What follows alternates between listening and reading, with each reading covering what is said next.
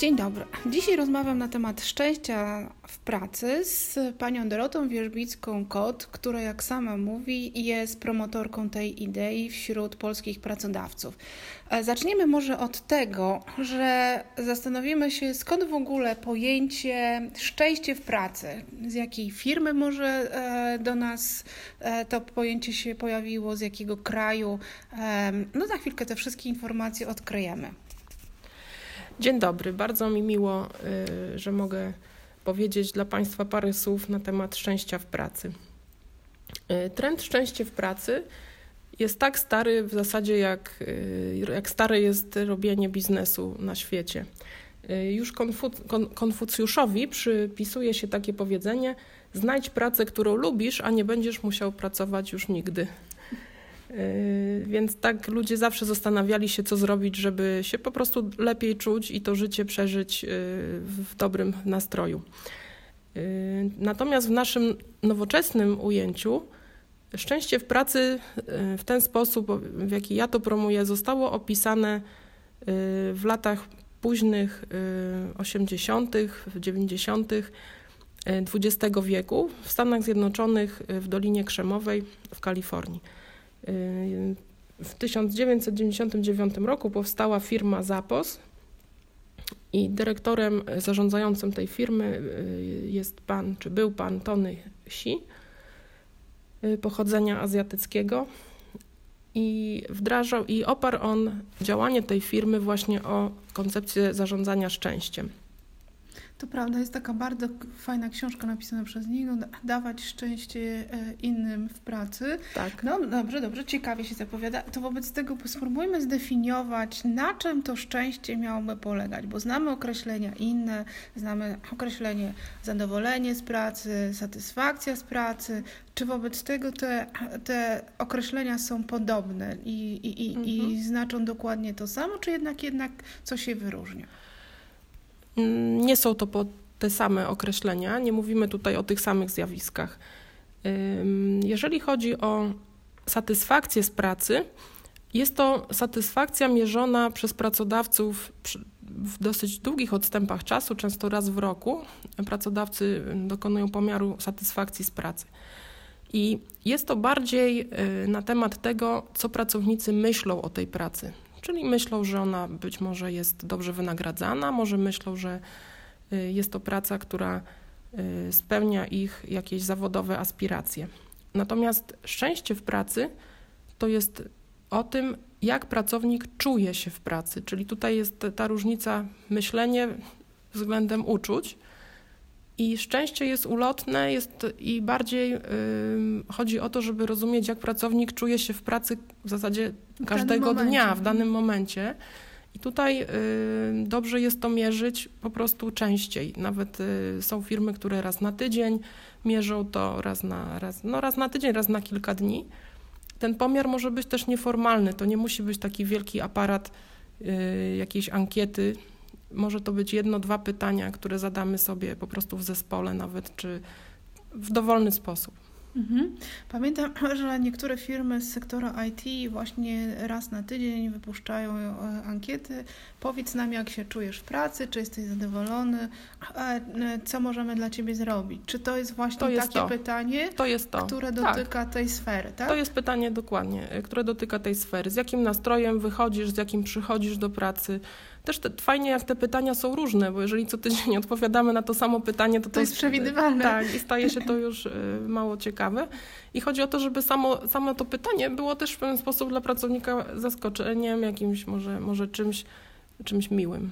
Pani Doroto, a czy w ogóle pracownicy chcą rozmawiać o tym, że mają być szczęśliwi w pracy? Czy to nie jest taka troszeczkę mhm. za bardzo e, sfera prywatna, e, do której pracodawca mhm. nie powinien w ogóle się odnosić? Mhm. Czy też się mylę?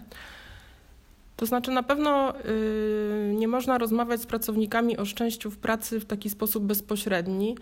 W tym sensie, że ja chcę, to znaczy nie chodzi o intencję taką, że ja na siłę cię uczynię szczęśliwym. Tutaj chodzi bardziej o to, żeby firma stworzyła infrastrukturę, w której każdy człowiek, który jest zatrudniony w, te, w tej spółce, a później nad, dalej przenosząc to klienci, dostawcy, wszyscy ludzie po prostu się jakoś mogli odnaleźć i realizować swój potencjał w taki po prostu normalny, powiedzmy pozytywny sposób. Czyli bardziej chodzi o stworzenie infrastruktury, w której człowiek z powodu tego, że pracuje, nie dostaje negatywnych odczuć. Czyli, nie, czyli sama organizacja, samo zorganizowanie pracy nie powoduje frustracji samo w sobie. Mhm. I nikt nie chce uciekać. I nikt nie chce uciekać, dokładnie. Nikt nie ma y, objawów psychosomatycznych na samą myśl, że musi rano przyjść do pracy. Mhm. Natomiast to, czy człowiek w tej pracy, pomimo tej infrastruktury, się będzie czuł szczęśliwy, to już jest tylko i wyłącznie odpowiedzialność i, i, i zasługa tego człowieka, bo każdy z, indywidualna. bo mhm. każdy z nas wchodzi do pracy też z jakimś bagażem doświadczeń prywatnych, no i na to pracodawca nie ma, nie ma już wpływu. Mhm. Dobrze, to y, proszę powiedzieć, czy jakie korzyści odnosi wobec tego zszerzenia idei szczęścia w pracy pracodawca, mhm. a jakie korzyści pracownik? Obie strony odnoszą korzyści.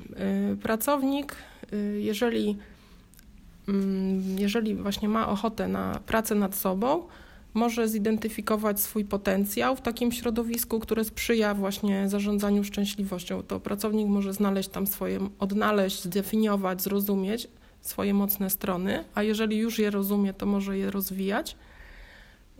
W takich firmach panuje też bardzo dobra atmosfera, taka po prostu międzyludzka, że tam przyjemnie jest wejść, jak się wejdzie, to nawet jeżeli jest cisza, to jest to taka pozytywna cisza, bo widać, że każdy pracuje, a nie cisza, skupiony bo i skupiony mhm. i, na, i po prostu nie życzy sobie, żeby teraz y, mieć interakcję taką aktywną, a nie po prostu taka cisza, że aż by się czasami mówi, że siekierę można powiesić, prawda, że taka wrogość że coś, jakaś. Coś nas coś... za chwilę spotka. Tak, tak, tak. Więc ta pozytywna atmosfera. No i dodatkowo jeszcze y, też ludzie lubią pracować z poczuciem sensu, to znaczy po co ja w ogóle pracuję Y, większość osób pracuje oczywiście po to, żeby zarobić na swoje utrzymanie i swojej rodziny, ale mimo wszystko, nawet w takich sytuacjach, jeżeli dodatkowo jeszcze może być ten element takiego poczucia sensu, to to na pewno bardzo dobrze wpływa na motywację ludzi i też na takie to poczucie, że nie, nie pracuje tylko jednak dla tych pieniędzy. Mhm. Y, ze strony pracodawcy Y, korzyści są takie, że pracownicy wtedy się angażują, w sposób naturalny się angażują w pracę, ponieważ daje im ona satysfakcję, właśnie rozwija te ich talenty. Przychodzą chętnie do pracy i myślę, że są bardziej otwarci wtedy też na branie odpowiedzialności za swoją pracę, że bardziej po prostu się czują y, częścią tej organizacji.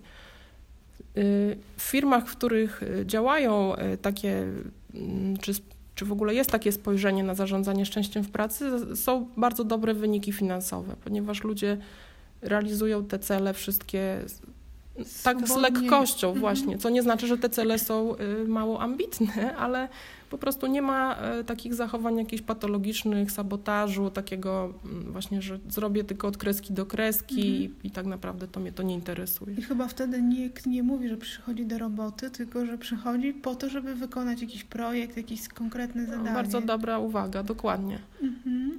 Albo przychodzę do pracy, albo przychodzę, bo jest coś ciekawego, ciekawy projekt, dokładnie, ciekawa praca z klientem. Mhm.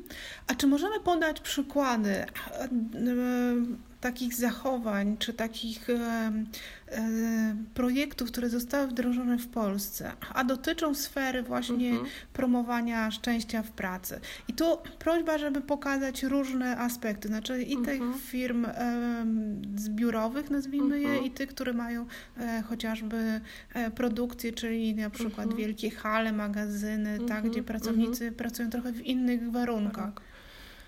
Y, więc tak, takie może y, dwa przykłady. Pierwszy y, przykład to jest branża w Polsce handlowa, sieć sklepów. I tam jest realizowany program, żeby właśnie ludzie się dobrze czuli, pozytywnie, nastawiony właśnie na relacje międzyludzkie. I, jest, I wzmacniane są relacje w zespołach, które prowadzą dany sklep. Aha. I czyli jak gdyby jest jakiś program, ale on nie jest jakiś taki bardzo szczegółowy, opisany na poziomie całej organizacji, mówiący o wartościach, że promujemy właśnie yy, promujemy dobre wartości międzyludzkie, że nawet tam jest napisane, że opieramy nasze zachowania, yy, że chcemy się czuć kochani i, i, sami chcemy kochać nas wszystkich czy coś, no to oczywiście jest yy, już specyficzne. specyficzne i to nie zawsze do wszystkich to przemawia, ale ogólnie jest tam stworzone, są odgórne jakby wartości, wypisane zasady, pracy, y, które bazują na pozytywnych y, emocjach. I bardzo duży nacisk jest właśnie na pracę zespołową i na relacje. W tym sensie, żeby każdy w tym zespole, który prowadzi dany sklep, czuł się po prostu dobrze tam. I ważny. I ważny, i doceniony. Y, I jeżeli zrobi ciężką pracę, no, czy w ogóle dobrą pracę, to pochwalony, uznany.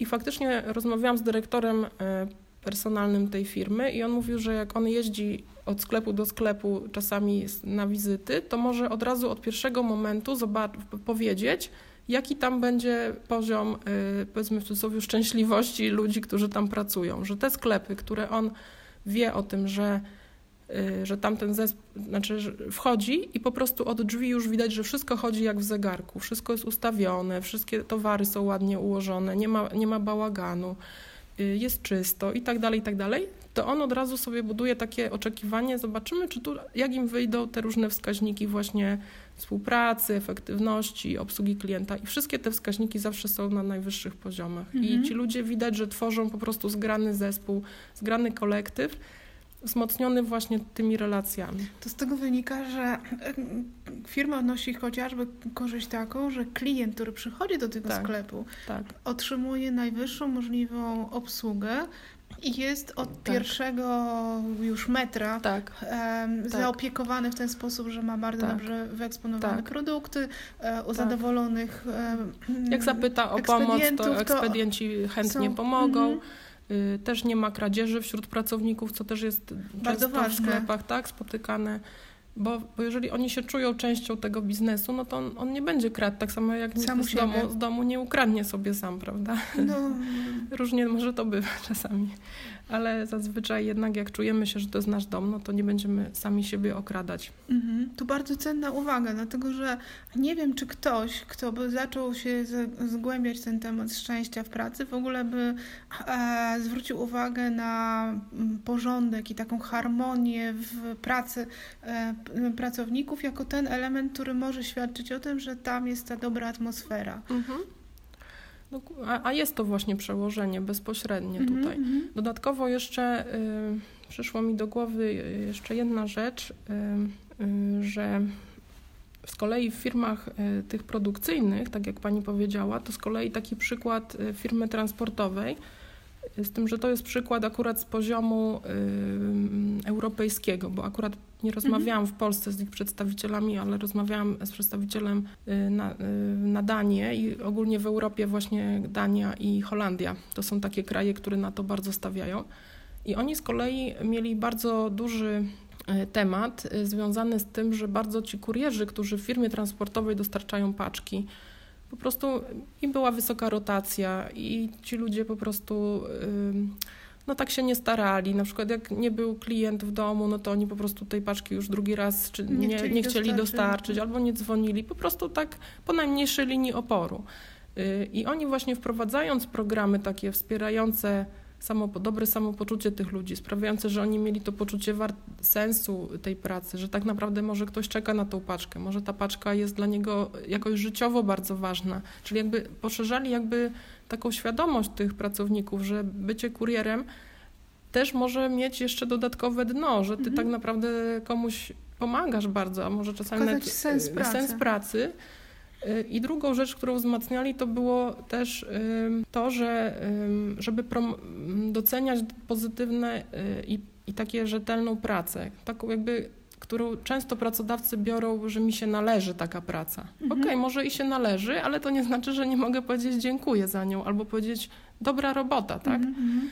I oni tak to wzmacniali w ten sposób, że na przykład był taki, że był w pewnym momencie ci kurierzy jeździli we dwóch w parach I wtedy po prostu y, razem się naradzali, co zrobić w takich trudnych sytuacjach. Wracali, potem o tym opowiadali, robili zdjęcia, na przykład robili zdjęcie, jeżeli klient się zgodził, jak ten klient był zadowolony, że tam mm, tą paczkę na przykład po raz piąty Ktoś gdzieś tam albo w inne miejsce, albo mm -hmm, coś. Mm -hmm. I potem się tym chwalili, była taka ściana, ale znowu słowo chwalili w Polsce ma takie negatywne konotacje, ale w sensie, że, że, żeby się tym dzielić. Była ściana, na tej ścianie zdjęcia i tak dalej, i tak dalej. Raz na rok wybierali też jakiegoś pracownika roku czy coś, tylko mówię, to też jest kultura zachodnia. W Polsce, jak słyszymy pracownik roku, to nie wiem, czy to, to dobrze. To prawda, to prawda. Ale też e, dotknęła Pani bardzo ważnej sfery, dlatego że bardzo wielu pracodawców próbuje znaleźć rozwiązanie na to, żeby faktycznie e, pracownicy czy menedżerowie e, chwalili swoich pracowników mhm. i dzielili się słowem dziękuję, bo to tak. jest wbrew pozorom, każdy z nas lubi otrzymywać tak. dziękuję chociaż nasze reakcje są takie dosyć, powiedziałabym, nieoczywiste, że my nie oczekujemy tego, ale na pewno każdy się uśmiechnie, każdy sobie coś miłego pomyśli, jeżeli ktoś mu podziękuje, nawet jeżeli to jest w ramach mhm. jego obowiązków.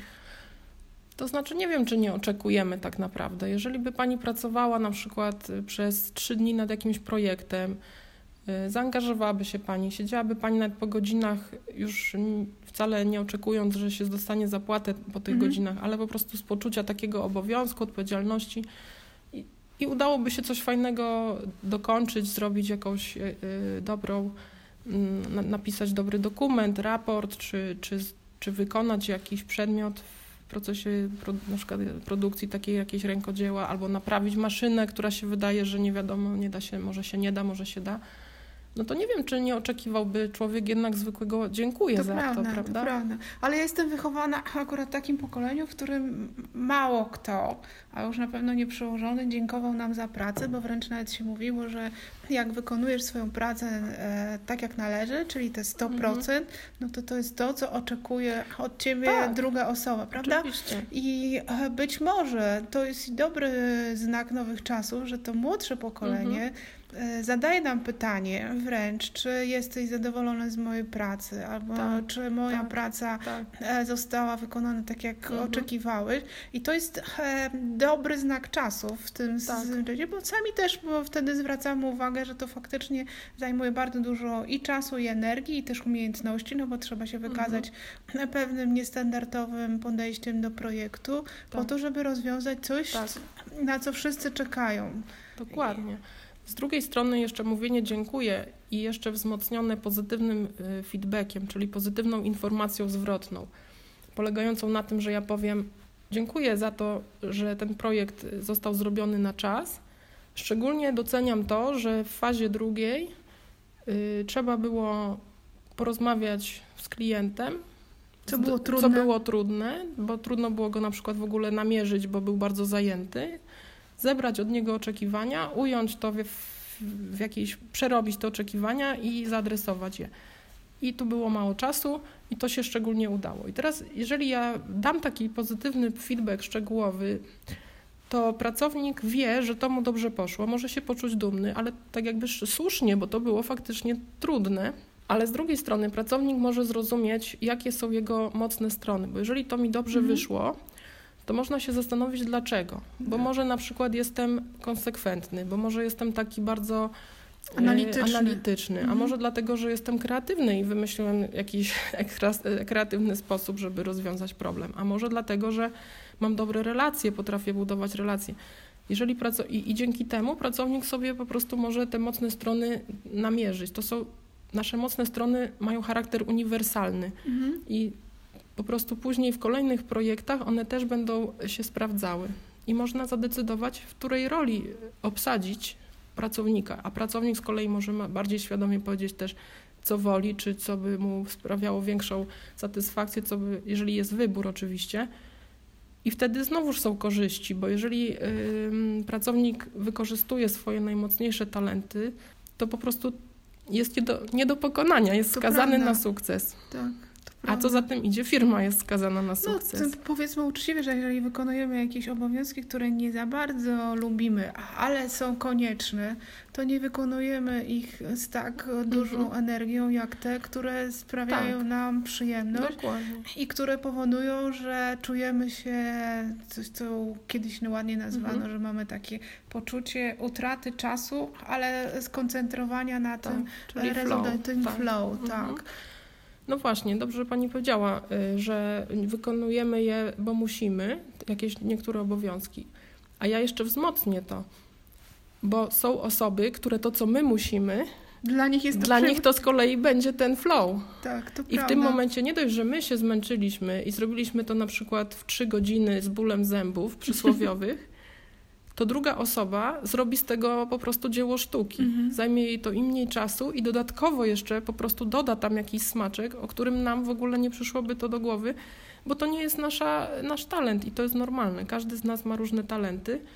I stąd przechodzimy do zarządzania różnorodnością. Jeżeli pracodawca jest, y, rozumie, y, na czym polega dobrodziejstwo różnorodności, po prostu dobierze do zespołu takie osoby, które się nawzajem uzupełnią. Mhm, mhm.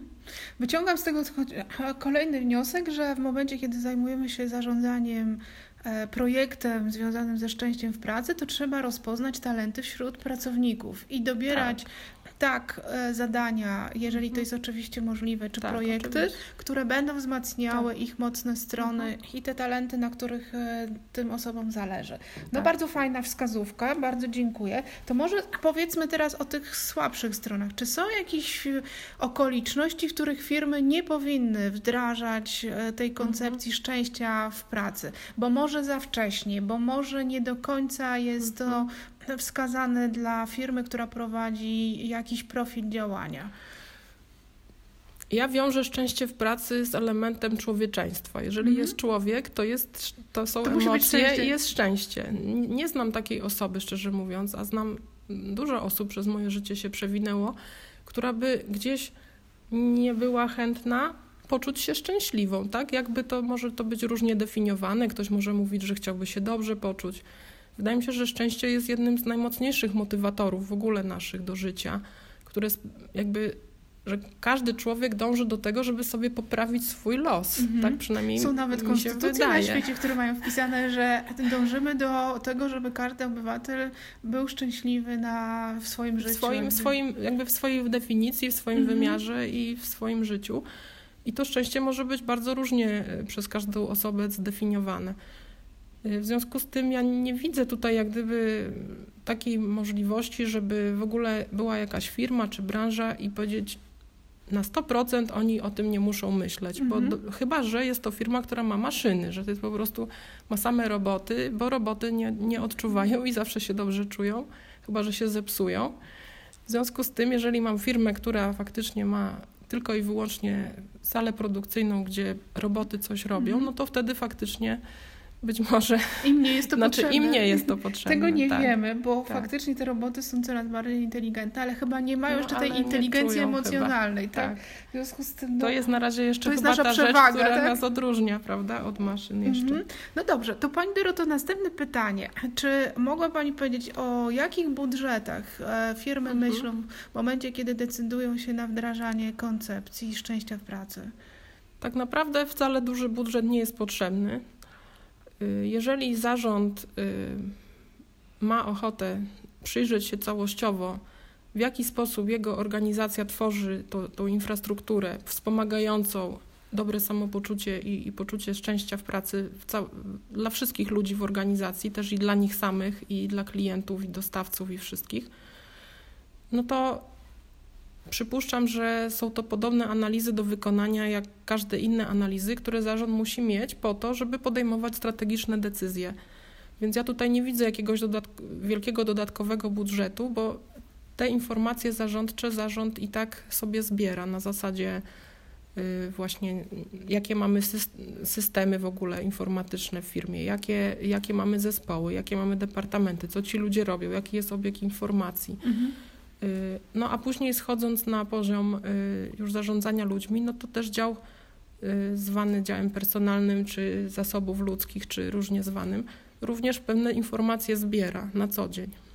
czy tam na tydzień, na miesiąc, ale ten zarząd ma te informacje, więc to nie jest moim zdaniem jakaś taka wielka rzecz, żeby dodatkowe, dodatkowe analizy wielkie analizy. Mhm. Bardziej weźmy te dane, które mamy, te, które zbieramy. Spotykamy się też z ludźmi, robimy wywiady, zespoły ze sobą rozmawiają, więc to jest kolejne źródło informacji.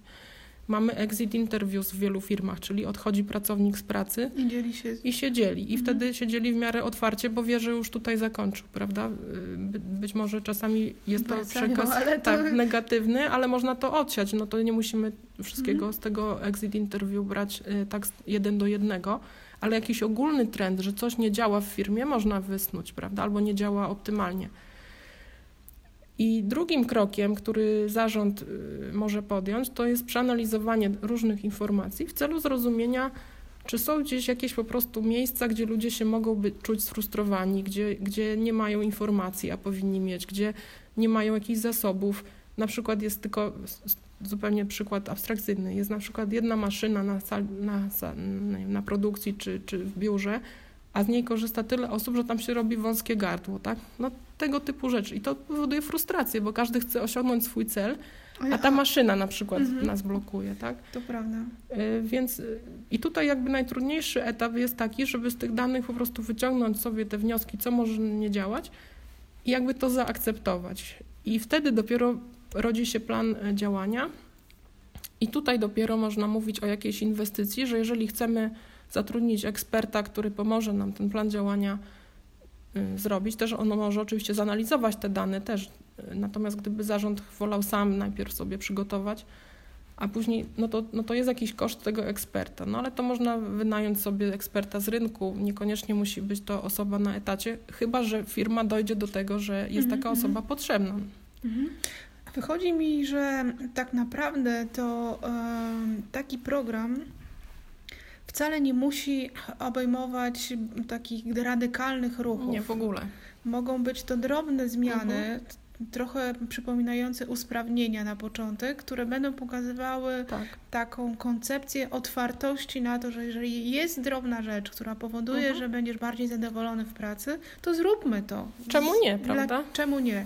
Mhm. Ale z tego wynika również, że powinniśmy wobec tego mieć em, na tyle uczciwą komunikację, że jeżeli Mhm. coś nie działa, to ta informacja jest Tak. e, zwerbalizowana i dochodzi do Tak. odpowiedniej osoby, a potem jest ona znowu, e, propozycja jest Tak. konsultowana z tymi osobami, które mają z tego nowego projektu czy z tego usprawnienia Tak. mogły korzystać. Tak. No bo na siłę uszczęśliwiać chyba Nie, nie da się. Nie da się.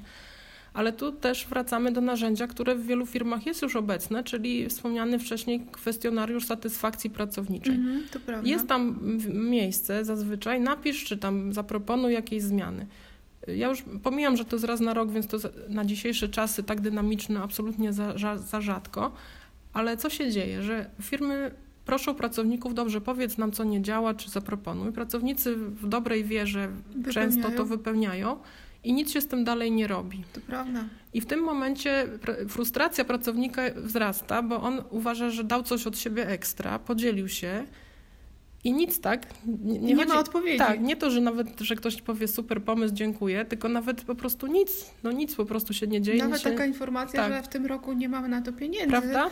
Albo musimy na Tak. przykład zrobić e, coś Tak. innego i w związku Tak. z tym, jak będzie ta nowa, nie wiem, Tak. e, rzeczywistość w postaci chociażby, no nie wiem, może nowej Mhm. aranżacji biura, to wrócimy Tak. do tego za jakiś czas, może za pół roku, może w następnym Dokładnie, roku, Dokładnie. ale żeby była ta informacja że w e, ogóle ten wysłuchany. Mhm, mhm. Bardzo ciekawe, co pani mówi, bo dochodzę do wniosku, że właściwie to szczęście w pracy to jest tylko taka nowa, nazwana e, rzecz, która dotyczy dobrych relacji między pracodawcą a pracownikiem. Oczywiście mamy taką świadomość, że coraz więcej oczekiwań jest po obu stronach, ale wychodzi też, e, Mhm, słuchając tak. pani przykładu, że niewielkimi krokami możemy dużo więcej Tak, poprawić. tak. Metoda małych kroków absolutnie to jest y, moja preferowana metoda, dlatego że też y, organizacje i, i ludzie nie są gotowi wcale na jakieś duże, radykalne zmiany. Właściwie to trzeba wprowadzać zmiany po prostu tam, gdzie one są takie jakby oczywiste, gdzie to naprawdę można łatwo zmienić. I wtedy jak to się zrobi, to się otworzy przestrzeń do następnej jakiejś być może zmiany. a być może w ogóle żyjąc w dynamicznych czasach trzeba być zwinnym i być może w ogóle coś innego nam przyjdzie mhm. na myśl, czego w ogóle nawet teraz nie widzimy. Mhm. Y, znaczy zgodzę się, oczywiście tu chodzi, szczęście to jest relacja, tak, szczęście tutaj w tym Pracy. rozumieniu to jest relacja tak między pracownikiem a pracodawcą, natomiast chodzi też o, o relacje w ogóle, tak, o relacje między ludźmi, między zespołami, między podwładnymi, szefami, właścicielami, po prostu wszystkimi tak naprawdę, też klientami, dostawcami, bankami, wszystkim. Bo wszędzie tam są ludzie i wszędzie każda z tych relacji, jeżeli jest niezaopiekowana, może nam coś zrobić, y, nie, no, zaskoczyć, zaskoczyć nas negatywnie. I, I też drugą, drugim wymiarem tego są też wyniki. Bo często ludzie, którzy mówią relacje, relacje, to z kolei ich myślenie idzie w tym toku, że będziemy sobie przybijać piątki, będziemy, będziemy się uśmiechać, tak, tak, pić kawkę, rozmawiać sobie, co robiłem w weekend, a praca leży, tak? A to jakby znowuż nie o to chodzi. Chodzi o to, żeby to połączyć, żeby z jednej strony było miło i tam sobie ktoś, oczywiście zamienimy sobie dwa słowa, na, jak mamy chwilkę przerwy, ale chodzi też o to, żeby osiągać cele, osiągać wyniki i otrzymywać rezultaty. Mhm. Dlatego, że to też jest źródło szczęścia.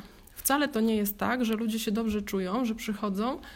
A nie widać nie, efektu. Nie, tak, i nie widać efektu. Albo całe dnie powiem tak, y, poznałam ludzi w swoim, w swoim zawodowym doświadczeniu, którzy nie specjalnie byli zaangażowani w pracę i którzy całymi dniami potrafili się, że tak powiem, prześlizgiwać, którzy y, po prostu znajdowali zna... jakieś... niby coś robili, ale nie robili, cały czas byli na spotkaniach i tak dalej. I proszę mi uwierzyć, to nie byli wcale ludzie, którzy byli szczęśliwi. Oni się wcale dobrze z tym nie czuli. No, wcale. Mam wrażenie, że cały czas grali, tak? tak. Pokazywali coś, tak. co jest doceniane na zewnątrz, a niekoniecznie tak. oczekiwane. Tak. tak. Bardzo dziękuję za tę rozmowę. Ja myślę, że może byśmy spróbowały podsumować, czy wobec mhm. tego można powiedzieć, jakie elementy e, tworzą szczęście w pracy, bo wiem, że mówiła Pani między wierszami o różnych aspektach mhm. i tym aspekcie emocjonalnym, i tym aspekcie racjonalnym. Czy wobec tego możemy podsumować? Dobrze, to korzystając e, z definicji psychologii pozytywnej i, do, i tutaj badań naukowych y, profesora Zeligmana i jego zespołu. Y, szczęście można zdefiniować w trzech wymiarach. Pierwszy, a szczęście w pracy teraz jakby, bo oni ogólnie o szczęściu robili badania, ale tutaj skupiamy się na szczęściu w pracy. Więc jest wymiar y, taki tu i teraz przyjemnościowy, hedonistyczny, że nam jest miło, przyjemnie, czyli ta atmosfera, powiedzmy, klimat w pracy. Drugi wymiar to jest y, zidentyfikowanie i wykorzystanie mocnych stron. To znaczy, chodzi o wykorzystanie mocnych stron, ale w pracy często musimy je najpierw w ogóle zidentyfikować, bo tego ludzie wcale nie wiedzą. Mhm. Tak? Y, I trzeci wymiar to jest praca z poczuciem sensu. Czy to będzie sens taki, że na przykład jak ja umyję filiżankę, to, to mojej koleżance będzie przyjemnie y, potem się napić kawy, tak? Jeżeli mam funkcję na przykład Albo pani... wyjdzie do kuchni i tam po prostu będzie porządek. Prawda? Że to daje jej tą przyjemność i to jest mój sens, że ja sprawiam dzięki temu, czyli ja jestem sprzątaczką, ale mhm. sprawiam dzięki temu ludziom poprawiam im nastrój, poprawiam im, yy, że im jest miło i, i czerpię z tego satysfakcję. Mhm. I można być zmotywowanym do sprzątania dzięki temu, prawda? Gdzie wydaje się, że bycie osobą, yy, która sprząta, no to jest takie stanowisko, które wcale niekoniecznie nie musi być to miła praca, a właśnie może być miła. Mhm. Jeżeli moim wewnętrznym chęcią jest to, żeby sprawiać ludziom przyjemność, żeby było miło i, i Czysto pachnąco. Czysto pachnąco, porządek. Mhm, mhm. E, bardzo dziękuję Pani Doroto. Ja wyciągam z tego dwie informacje, że ludzie, którzy są zaopiekowani w pracy, wydaje się, że są osobami, które się częściej uśmiechają, co jest dosyć pozytywne tak, e, tak. i zachęca do tego, żeby tak. się druga osoba z tą osobą komunikowała i o, o coś prosiła i wymieniała się informacjami. Mhm. A z drugiej strony też mam poczucie, że um, jestem doceniana, czyli moje poczucie pewności siebie, tego co robię, też jest e, wzmacniane, co na pewno jest bardzo ważne w momencie, kiedy mamy podejmować kolejne projekty, kolejne tak. zadania. I żyć w takiej ciągłej zmianie, w której tak. żyjemy, gdzie no to tak jest naprawdę... Y, oczywista, tak? No bo tak. firmy się zmieniają tak szybko, w związku z tym na pewno nie można założyć, że to, co robimy teraz, będzie tak. dokładnie tym samym, co będziemy tak. robić za rok. I tutaj jeszcze mogę podsumować cytatem Richarda Bransona. Bardzo proszę. Zadbaj o swoich klient, o swoich pracowników, a oni, oni zadbają o, swoi, o twoich klientów. Mhm. I to jest właśnie to, co pani powiedziała. Ludzie się uśmiechają. Jeżeli ja jestem klientem i przychodzę do jakiejkolwiek firmy jako, jako klient i po drugiej stronie mam osobę, która jest pozytywna i się uśmiecha, no to jest zupełnie inne doświadczenie niż osoba, która robi mi łaskę, że w ogóle mnie widzi, jest sfrustrowana i ogólnie ja jej przeszkadzam, mm -hmm. prawda? To prawda, to prawda. No bardzo dziękuję. Mam nadzieję, że będziemy kiedyś kontynuować ten wątek. A teraz e, zostawiamy z takim niedosytem. E, ja oczywiście w, e, w, ramach tego nagrania e, podam imię i nazwisko osób, na które żeśmy się powoływali, po to, żeby łatwiej znaleźć materiały. Jeszcze raz bardzo dziękuję i dziękuję. do usłyszenia.